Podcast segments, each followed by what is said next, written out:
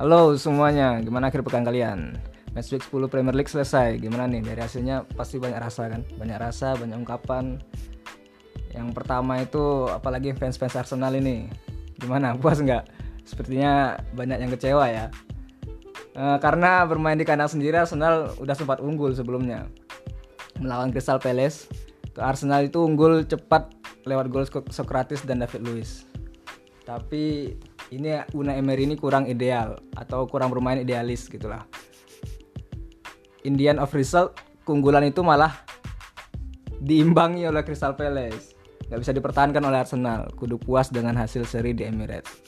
Fans-fans Arsenal di sini pasti sangat kecewa ya. Gimana Bung? Lihat hasil Arsenal versus Crystal Palace. Kira-kira kritik apa ini tentang Una Emery? Di sini sudah ada Bung Rizky. Kita akan mereview beberapa match week 10 Premier League tentang Arsenal, pertandingan-pertandingan Arsenal, Liverpool, Tottenham, kemudian City, kemudian juga ada MU, Leicester yang baru menang 9-0. Nah, ini pertama ini Arsenal dulu ini. Fans Arsenal tentu sangat kecewa ya. Udah sempat unggul 2-0 lewat gol cepat Socrates dan David Luiz. Tapi nggak bisa dipertahanin, malah hasilnya imbang. Nah, di sini ada kontroversi yang terjadi yaitu adalah VAR. Nah, VAR ini ya decisionnya uh, ketika dua sama. Ya skor dua sama dari skema tendangan sudut. Bola didapat sama Chambers dan ternyata dia terlihat dijatuhkan di kotak penalti. Itu ada dia diapit oleh backnya Crystal Palace. Nah ini fans ini teriak meminta penalti. Tapi game on. Masih game on masih berlanjut. Lacazette memberikan bola ke Socrates. Nah Socrates ini nendang keras dan terjadi shoot kemudian gol tapi tak kenapa setelah direview oleh VAR ternyata ini Chambers ini dinilai melanggar tapi dikira diving dia. Dikira diving sama wasit sama VAR. Akhirnya VAR decision menyatakan gol itu tidak sah. Dan di sini kalau mau fair sebenarnya terlepas dari uh, konteks replay itu, itu ya sebenarnya Chambers di sana tidak bisa dibilang diving apalagi game terus berlanjut kan sebelum terjadinya gol. Nah kalau mau direview juga seharusnya itu decisionnya hanya jatuh pada apakah itu pelanggaran penalti atau tidak? Atau apakah itu benar-benar apa namanya dua back itu benar-benar dapatin bola atau benar-benar pelanggaran? Kalau di situ karena soalnya kakinya itu dijepit oleh dua dua back Crystal Palace. Nah di sini tentu Neymar sangat kesal dengan hal ini lebih-lebih pertandingannya juga sebelumnya Arsenal juga kalah lawan apa Huddersfield United ya. Nah karena juga hasil hasil review juga pas kalah lawan Huddersfield itu Nah, gimana ini kira-kira? Ada keputusan-keputusan VAR yang sangat mengecewakan beberapa uh, akhir pekan ini, terutama pada Arsenal. Dua pertandingan terakhir nggak bisa nggak bisa dapatin poin penuh dia. Mana menurut anda? Selain di sisi permasalahan di, di bidang VAR itu segi, segi taktikal juga bermasalah seperti waktu Arsenal sudah laga terakhir kemarin pas sudah unggul 2-0 mungkin mereka karena bermain di kandang itu tentunya lebih ofensif menyerang. Hmm. Namun dengan posisinya Crystal Palace sebagai tim tamu ataupun yang lebih kuat ataupun diserang habis-habisan, yeah, yeah. mereka akan defensif ah. dengan hanya memaksimalkan peluang yang ada yeah, yeah. sebaik Betul. mungkin, ah. memaksimalkan peluang yang ada sebaik mungkin. Beda dengan Arsenal yang ingin terus-terusan melakukan serangan ah. untuk mencetak gol yang banyak sampai akhirnya lini pertahanan lini tengah tuh buyar. Ya ya. Jadi di sini harusnya Unai Emery itu lebih bersifat lebih bersikap idealis ya. Idealis. Udah unggul 2-0 uh, eh, kita tidak harus me memuaskan fans, memuaskan penonton itu dengan dengan uh, banyak gol. Dengan banyak gol, dengan penampilan yang menarik, tetapi bagaimana hasil akhir dari pertandingan itu harusnya menang seperti itu ya. Nah, hasil ini membuat Arsenal gagal meraih poin penuh dalam dua laga terakhir mereka di Premier League.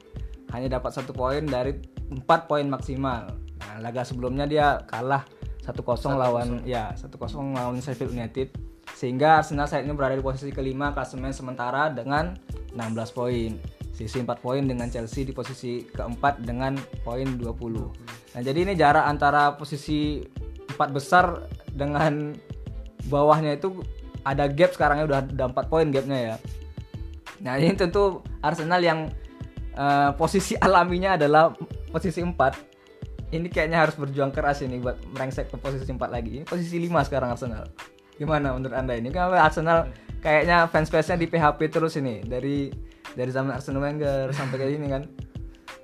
mungkin juga cukup sulit terkait dengan penampilan Chelsea yang begitu sangat bagus Hmm, akhir-akhir ini untuk mengamankan poin-poin penuh dengan penampilan squad yang sangat solid Ya ya ya. mungkin chemistry-nya ataupun strategi dari Lampard itu sudah dijalankan dengan baik oleh para squadnya Hmm. dengan kedalaman squad yang sudah cukup bagus mungkin juga Chelsea juga masih bisa terus meraih poin-poin positif hal-hal Ya, ya. positif berbeda dengan Arsenal yang dua pertandingan terakhirnya nggak bisa meraih hasil penuh Ya, hasil penuh ya.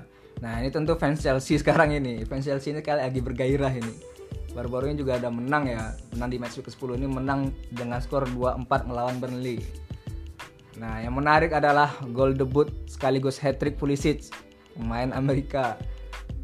Nah, Pulisic menjadi pemain kedua Amerika yang mencetak hat-trick di Premier League. Premier League. Lebih spesialnya lagi hat-trick itu adalah hat-trick eh, sempurna yang dicetak lew- lewat kaki kanan, kemudian kaki kiri dan lewat kepala. Nah, hal ini juga menjadi rekor baru bagi Chelsea karena Pulisic adalah pencetak hat-trick termuda dalam sejarah eh, Chelsea di Premier League.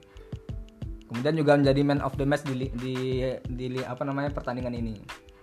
Sehingga dia dijuluki oleh Kapten Amerika. Gimana ini menyoroti Pulisic ini yang sebelum-sebelumnya justru menjadi pemain cadangan.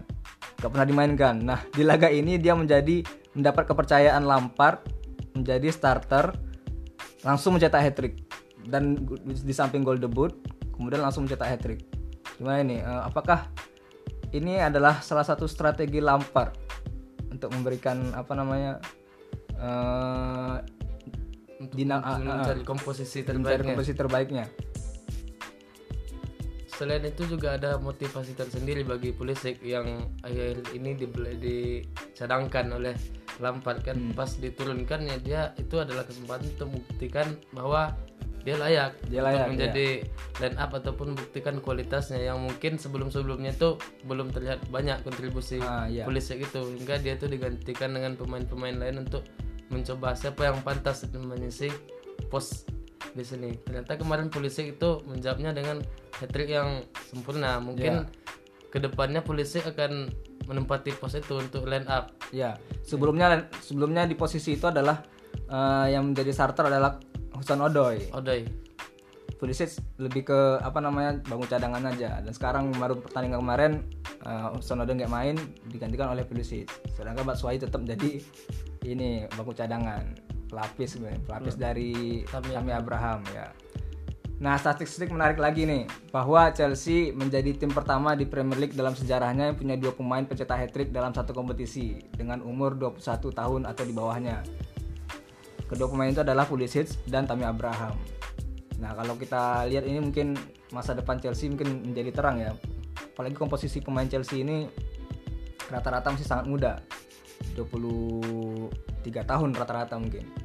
Nah, ada Tammy Abraham, siapa lagi itu yang pemain-pemain mudanya? Ada Mason Mount. Mason Mount. Kemudian ada siapa lagi? Ada Zuma, ada eh, itu backnya siapa? Tomori ya. Hmm. Kemudian kemenangan ini sekaligus menjadi tujuh kemenangan beruntun untuk Lampard di semua kompetisi. Gimana anda menyoroti Lampard? Apakah dalam baru tiga bulan ini menjadi menjadi pelatihnya Chelsea udah udah udah bisa membalikkan apa namanya itu performa Chelsea seperti dulu lagi?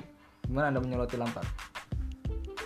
Tentang performa Lampard yang awal musim sempat diragukan karena udah kalah telak Nah, dengan 4-0 MU ya, ah, betul. 4-0 terus dikalah lagi di Super Copa lawan Liverpool. Itu kan Lampard sempat diragukan. Hmm, hmm, betul. ataupun diprediksi tidak akan lama menangani Chelsea. Ya, ya. kurang pengalaman. Namun seiring berjalannya waktu itu Lampard itu mulai meracik kembali. Dengan tidak memperdulikan itu kritikan-kritikan orang. Tetap fokus dengan komposisi timnya dan memaksimalkan pemain-pemain yang dia punya itu mengeluarkan kemampuan terbaik mereka tapi mungkin juga tidak bisa harus puas sampai di sini tujuh kemenangan beruntun oleh musim lalu itu berapa Oh iya, Ole juga mencatatkan beberapa kemenangan penting juga ya. sembilan atau sepuluh ke- kemenangan beruntun sehingga di sehingga digadang-gadang bisa apa kembali Manchester United bisa masuk empat besar. Dan ternyata pada akhir musim tetap positif. tidak bisa konsisten sampai akhir musim Hmm. Si di bawah asuhan ini sepertinya apa namanya itu pemilik Chelsea lebih Lebih optimis. eh, identitasnya Lampard Pengalaman Chelsea itu bagaimana budaya klub sangat paham. Dengan Chelsea ini, Chelsea berada di posisi keempat. Chelsea hanya kalah. Leicester menang besar. Nah, ya the biggest away. Ini menjadi kemenangan Southampton di mana Ryan Bernard melanggar Ayozi juga, makanya langsung VAR ulang. Oleh karena itu, gol demi gol trik dari Ayozi. Sebelumnya dia kan trik dari Vardy ya Hmm. dengan 9 gol. Nah, gimana ini? Leicester ini baru 8 bulan dia melatih Leicester. Menurut Leicester di bawah asuhan Brand Kan itu Ranieri. sebelumnya itu apa siapa Nieri itu saya juga Mungkin sejauh ini lu lanjut ke lah siapa tahun 2015 2015 itu kayak Ya, 2015 Iya. itu beberapa musim terakhir ke eh, tim papan atas setelah diambil alih oleh Brandon Rodgers lagi.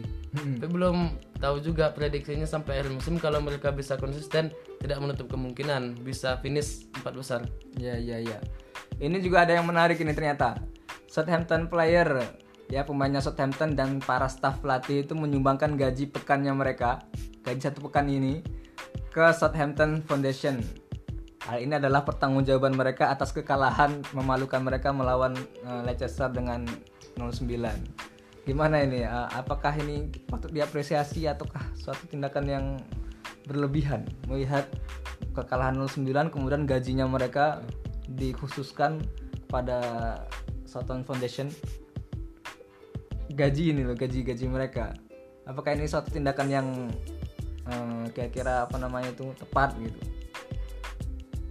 Tepatnya itu mungkin karena pemain itu mengakui kesalahan-kesalahan mereka hingga Iya, iya. sampai berakhir dengan kekalahan yang sangat memalukan. ya apalagi di kandang ya? di kandang di kandang sendiri. Mungkin ini salah satu bentuk penyesalan ataupun pengakuan kesalahan para pemain itu.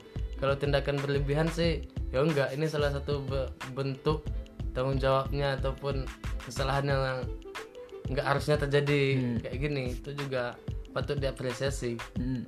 mereka itu mengakui kesalahannya yang harus dievaluasi. Ya ya mengakui kesalahannya dengan bentuk tanggung jawab. Kalaupun ada kartu merah paling nggak lah sampai apa ya 5-0 seperti itu ya. Apalagi ini 09 kartu merah ya paling nggak terbantai itu 3-0 cukup lah ya.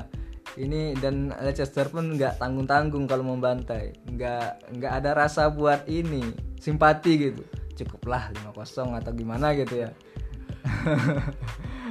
kejam kejam. Nah di sini Leicester dengan kemenangan ini menjadi posisi posisi ketiga dengan 20 poin. Dan produktivitas golnya juga 17 17 ya. Bahkan Liverpool saja baru 15 kemudian di paling pertama itu ada 23 gol eh 23 apa namanya eh, produktif eh, dari Manchester City. Jadi apa namanya klub kedua paling produktif setelah City Leicester ya. Setelah kemenangannya 9-0 kemarin melawan Southampton. Lanjut di laga berikutnya ada Norwich versus Manchester United. Dengan skor 1-3 MU kembali ke jalur kemenangan. Setelah sekian lama MU nggak bisa menang di laga tandang. Ya akhirnya dan kemudian kita lihat di sini juga Martial kembali ke line up. Gimana menurut anda? Apakah Martial ini adalah nyawa yang hilang dari MU sebelum-sebelumnya? Karena ketika Martial nggak ada MU tuh kayak kehilangan sesuatu itu. Apakah MU memang sangat kehilangan Martial? Gimana menurut anda? Bisa jadi sangat kehilangan. Soalnya kenapa? Soalnya ketika kita bertumpu pada Marcus Rashford kalau Rashford itu sedang tumpul ataupun tidak bisa mencet- menciptakan gol Hmm. itu lini depan MU itu buntu gitu. Ya. Nggak tahu mau apa. Dengan adanya Martial ini bisa memecah itu memecah ke kebuntuan ataupun ketimpangan mandulannya lini depan MU itu mencetak gol pun bisa lebih membuka ruang untuk para pemain tengah Ya betul betul. Apalagi kalau kita lihat sebenarnya pemain MU itu bukan kekurangan pemain berkualitas ya. Ada Daniel James, Daniel James saya kalau saya soroti itu Daniel James itu bahkan pencipta peluang terbanyak bagi MU. salah satu pemain yang konsisten dari Ya, awal musim ha-ha. Tapi finishing adalah masalah utama bagi MU ketika kehilangan Martial seperti itu ya. Iya. Ketika Rashford itu sedang mandul hmm. maka lini depan MU itu tumpul nggak bisa cetak gol nggak ada opsi yang lain gitu Iya iya. Nah di sini juga apa namanya di laga Norwich melawan MU ini, gol McTominay adalah gol ke-2000 bagi MU. Nah, ini menjadikan MU sebagai tim pertama di sejarah Premier League yang mencapai 2000 gol. Nah, ini tentu berkaitan dengan sejarah Manchester United sebagai klub tersukses di Liga Inggris ya. 2000 gol. Gol McTominay menjadi pertanda gol ke-2000 bagi MU.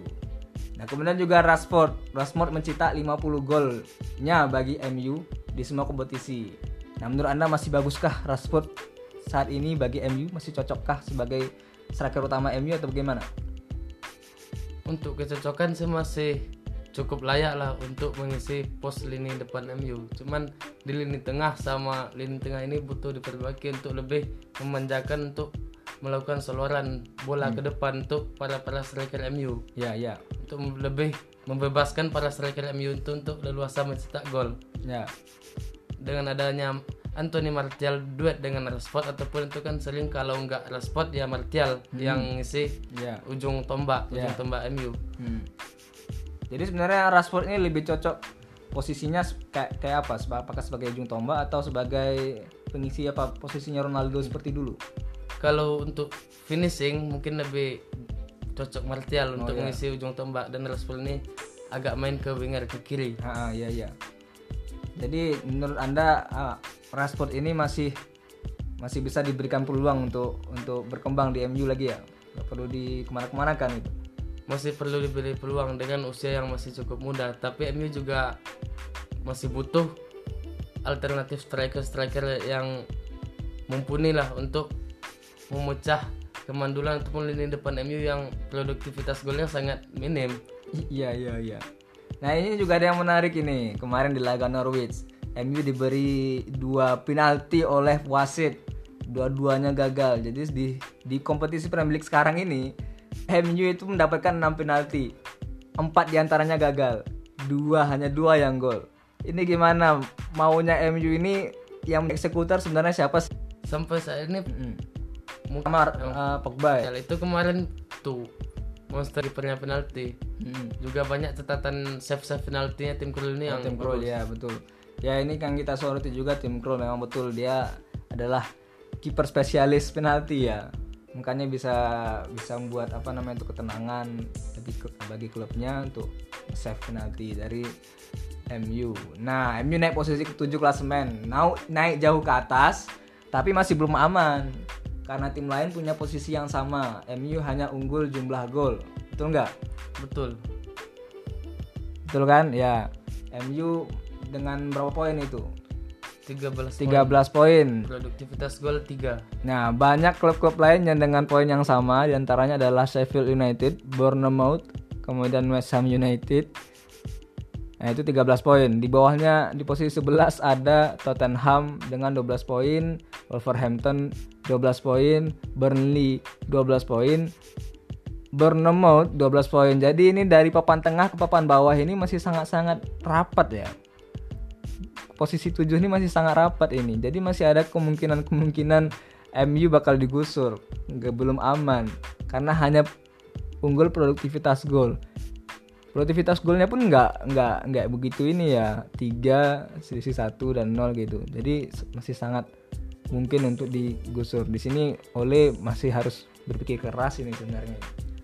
Eh, apa sudah ada perbaikan untuk MU lah ya setidaknya Adalah perbaikan, cuman lini tengahnya emang masih kurang apalagi kemarin Fred di pertandingan terakhir banyak melakukan kesalahan passing-passing, kesalahan teknis, melakukan kesalahan passing, sering blunder passingnya itu enggak tepat sasaran.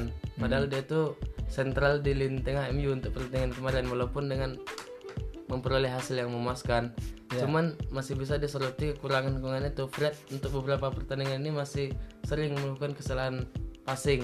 Mhm. Fred itu ya utamanya ya. Itu harus jadi evaluasi sebenarnya. Nah dengan begini eh, sebenarnya juga MU itu masih kekurangan poin sebenarnya. Karena baru mendapat hanya mendapatkan 5 poin dalam 5 laga terakhir. Artinya ada 15 poin dan MU kehilangan 10 poin mendapatkan hanya 5 poin. Nah ini tentu kira-kira bisa nggak MU ini masuk empat besar di akhir musim ya Lanjut ke Manchester City versus Aston Villa.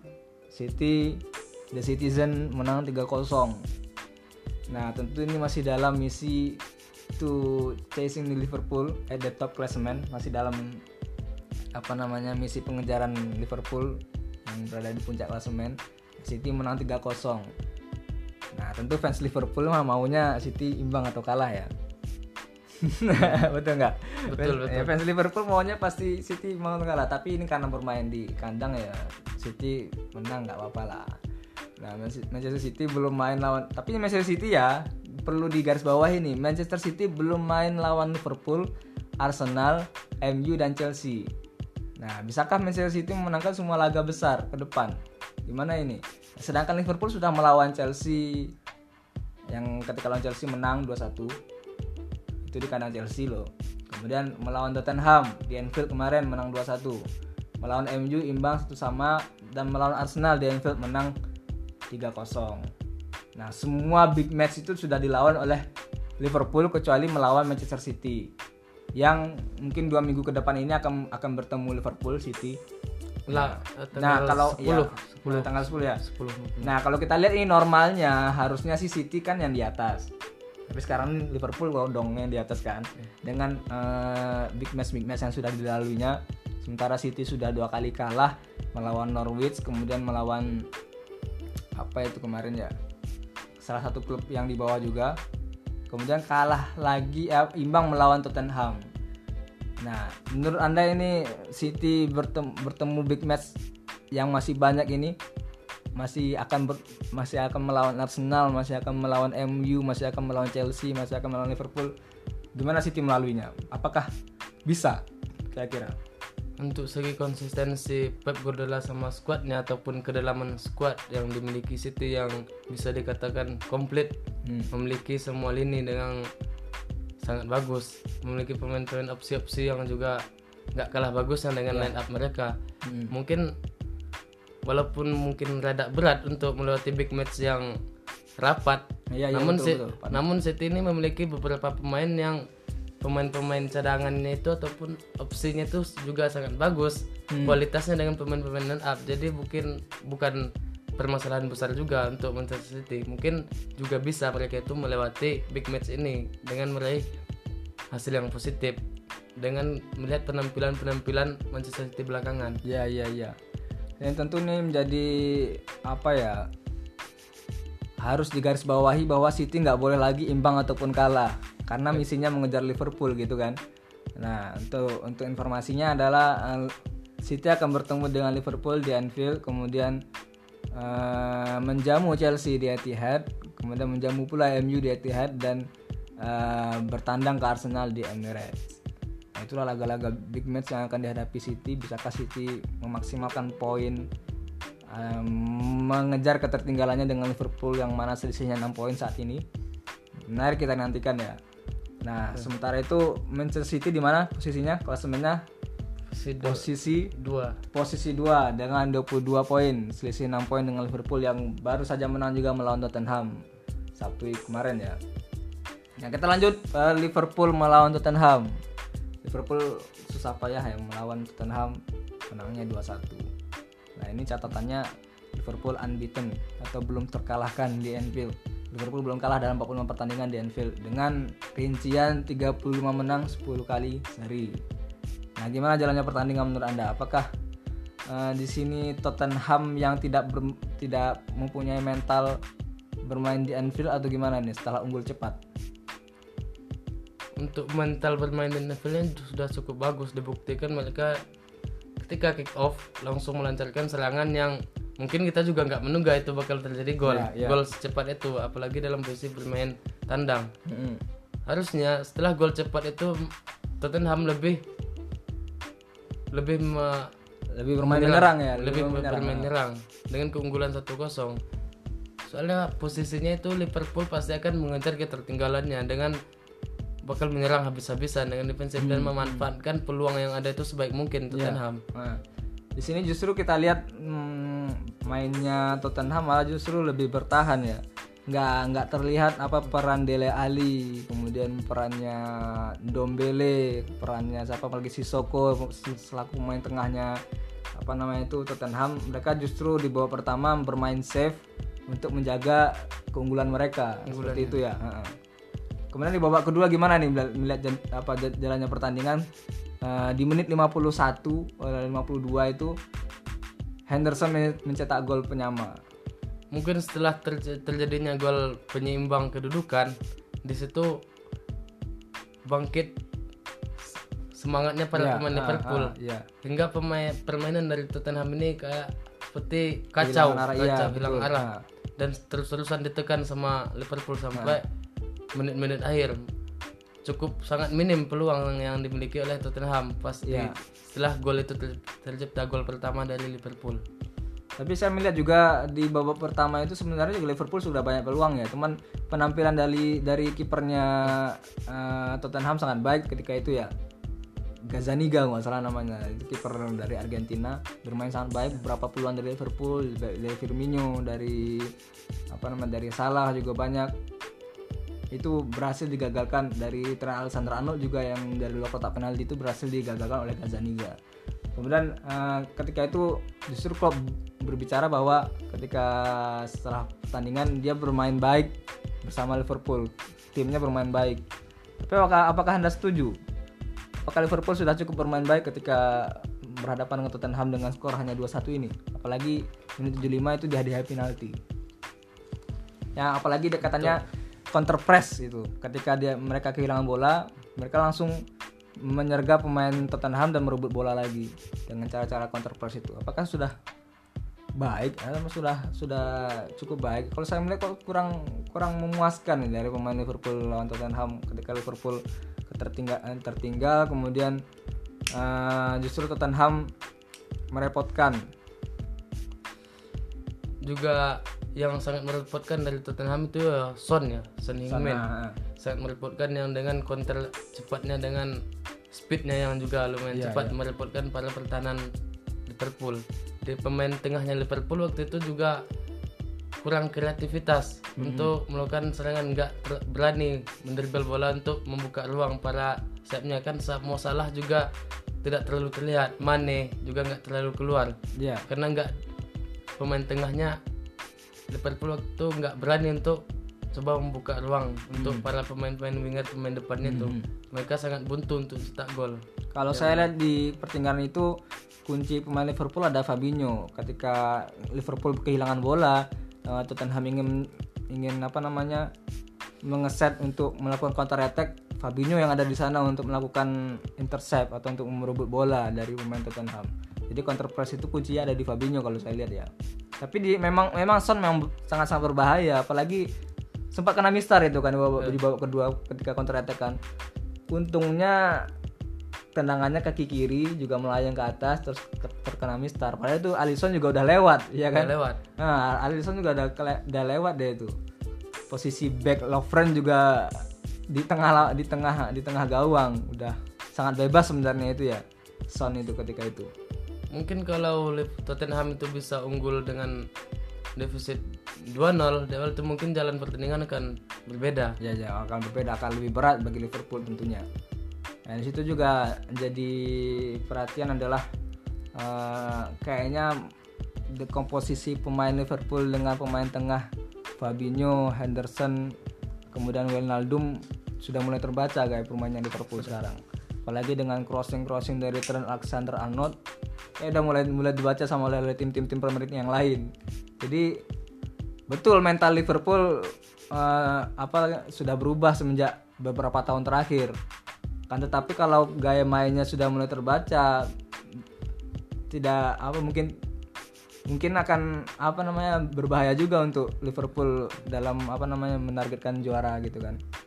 Mungkin saya kira memang klub harus meracik strategi baru untuk Hmm. komposisi baru pola permain baru karena sudah dilihat beberapa pertandingan terakhir itu serangan Liverpool sangat mudah dipatahkan Ya. Nah, kadang ke- kemarin pertandingan terakhir Wijnaldum juga sangat sering tidak terlalu keluar tidak terlalu terlihat pemain yang sudah Hmm. dibaca oleh pemain Tottenham Ya. untuk mematikan Wijnaldum Ya. Nah, kalau kalau kata apa namanya kata coach Justin itu ya Liverpool ini mau kayak mana jeleknya main tapi masih bisa menang. Itu mungkin karena memang karena mental sama aura-aura bermainnya memang lagi bagus-bagusnya. Cuma kalau lihat dari segi permainannya memang betul-betul sudah sudah terbaca sepertinya modelnya itu kan. Crossing crossing dari Arnold crossing dari Robertson dua fullbacknya mereka itu kan. Nah kita kita lihat aja ke, ke depan ini apakah Klopp hanya bermain dengan gaya seperti itu atau ada gelandang lain yang mencoba dimasukkan baru seperti Keita, ada Oxlade Chamberlain, kemudian ada Lallana. Sampai sekarang ini kan masih tiga gelandang terbaik mereka itu yang dimasukkan. Nah, Fabinho, kemudian Wijnaldum dan Henderson. Nah, itu tadi pertandingan antara Liverpool dan Tottenham yang dimenangkan oleh Liverpool dan kelas klasemen sekarang punya klasemennya siapa? Liverpool ya? Liverpool dengan 28 poin. 28 poin. Produktivitas 15 gol. 15 gol. Mungkin dari Tottenham itu selain sudah unggul walaupun Harry Kane bisa mencetak gol cuman juga nggak terlalu terlihat. Soalnya nggak ada hmm. yang memanjakan Harry Kane itu nggak ada crossing crossingnya juga kurang akurat Ya, yang ya. memberikan umpan kepada Harry Kane. Cuma mencetak gol pertama itu setelah mencetak gol itu Harry Kane nggak terlalu keluar Hmm. sangat sangat monoton permainan Harry Kane. Nggak bisa keluar memberikan ancaman. Malah yang lebih banyak mengancam itu ya Son, Son nah. sebenarnya Tottenham ini bisa memanfaatkan lebarnya lapangan ya. Karena kan ketika uh, Trent Alexander-Arnold lebih sering menyerang itu sisi kanan itu sering kosong itu justru Liverpool. Justru itu sebenarnya adalah titik lemah Liverpool ketika uh, Alexander-Arnold terlambat balik ke posisinya ketika transisi itu kan. Tapi lagi-lagi uh, karena dua dua back tengah mereka apa Van Dijk dan apa sebenarnya Tottenham juga bisa bisa mencetak lebih dari satu gol. Hanya memang belum bisa maksimalkan itu dengan baik. Sebenarnya kayak gitu. Nah itu tadi beberapa pertandingan. Dengan match week ke 10 ini uh, perebutan gelar juara masih panjang. Masih ada berapa lagi bung 10 Masih dengan ada- 38 28 pertandingan lagi 28 pekan. Ya, 28 pekan lagi. Nah, kalau kita kalikan 3 poin itu masih ada sekitar 74 poin yang bisa diper, ah, diperebutkan untuk mendapatkan gelar utama. Jadi kita masih belum bisa ah, memprediksi, tapi sepertinya gelar juara Premier League ini masih tentang Manchester City dan Liverpool. Apakah Chelsea juga bisa masuk sepertinya? Selain Manchester City, Chelsea sama Leicester City ini juga bisa menjadi salah satu ancaman yang tidak bisa diduga untuk ke depannya. Bagaimana konsistensi permainan mereka ataupun Chelsea dengan permainan yang sangat bagus. Kalau bisa mempertahankan sampai akhir musim dengan tren kemenangan, Hmm. Chelsea ataupun Leicester City dengan produktivitas gol apalagi Leicester City sangat masih bisa mengancam Ya masih bisa, masih bisa. Apalagi ada bo- Boxing Day di apa ya akhir akhir tahun nanti ya. Mm. Jadi kiranya em, yang paling menarik kita tunggu adalah Manchester City lawan Chelsea. Saya itu sangat menunggukan itu Manchester City lawan Chelsea. Salah satunya juga Manchester City lawan Liverpool itu juga menjadi, bisa menjadikan sebagai Manchester City untuk menjaga Liverpool Iya, iya, untuk iya, iya. menghentikan laju Liverpool. Iya, ya, tapi di pertemuan pertama ini laganya akan diadakan di Anfield, Bos. Jadi sepertinya ak- akan berat lagi City. Mungkin Juga- ya, kalau di Anfield bisa seri atau kalau kalah kemungkinan kalah itu agak agak susah karena Liverpool dari 45 pertandingan unbeaten. 10 seri, 35 menang. Jadi ini agak agak sulit sebenarnya bagi City menurut saya. Hmm. Bisa jadi juga City bisa mencuri poin. Ya, Soalnya musim lalu itu juga hampir menang kan Dengan, City ya, dengan dengan mental mental juaranya dia ya, mental Cuman karena cuma gagal Mahrez mengeksekusi penalti, jadi permainan berakhir seri di Anfield Hmm. musim lalu. Iya iya iya iya. Nanti kita tunggu ya berapa minggu lagi itu laga-laga besar akan diselenggarakan di mana minggunya City melawan Liverpool, minggu depannya langsung lawan Chelsea. Dua laga big match akan diselenggarakan Manchester City melawan eh, Liverpool melawan Manchester City, kemudian Manchester City melawan Chelsea. Menarik ditunggu karena itu akan merubah jalannya perebutan gelar juara Premier League. Nah, terima kasih kami sampaikan. Jangan lupa eh, follow juga Instagram kami di @magisterbola. Dan di sana kita update terus feed-feed terkait bola dunia.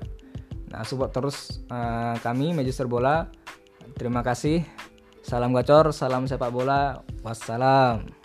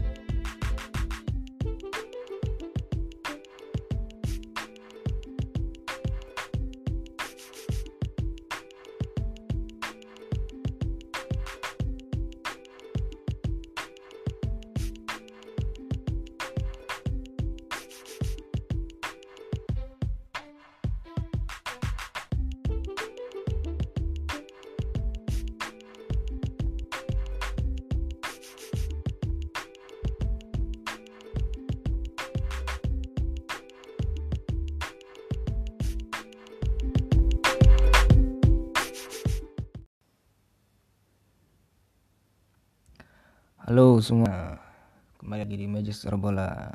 Laga kemarin nanti dan lolos ke pertandingan Liverpool main muda.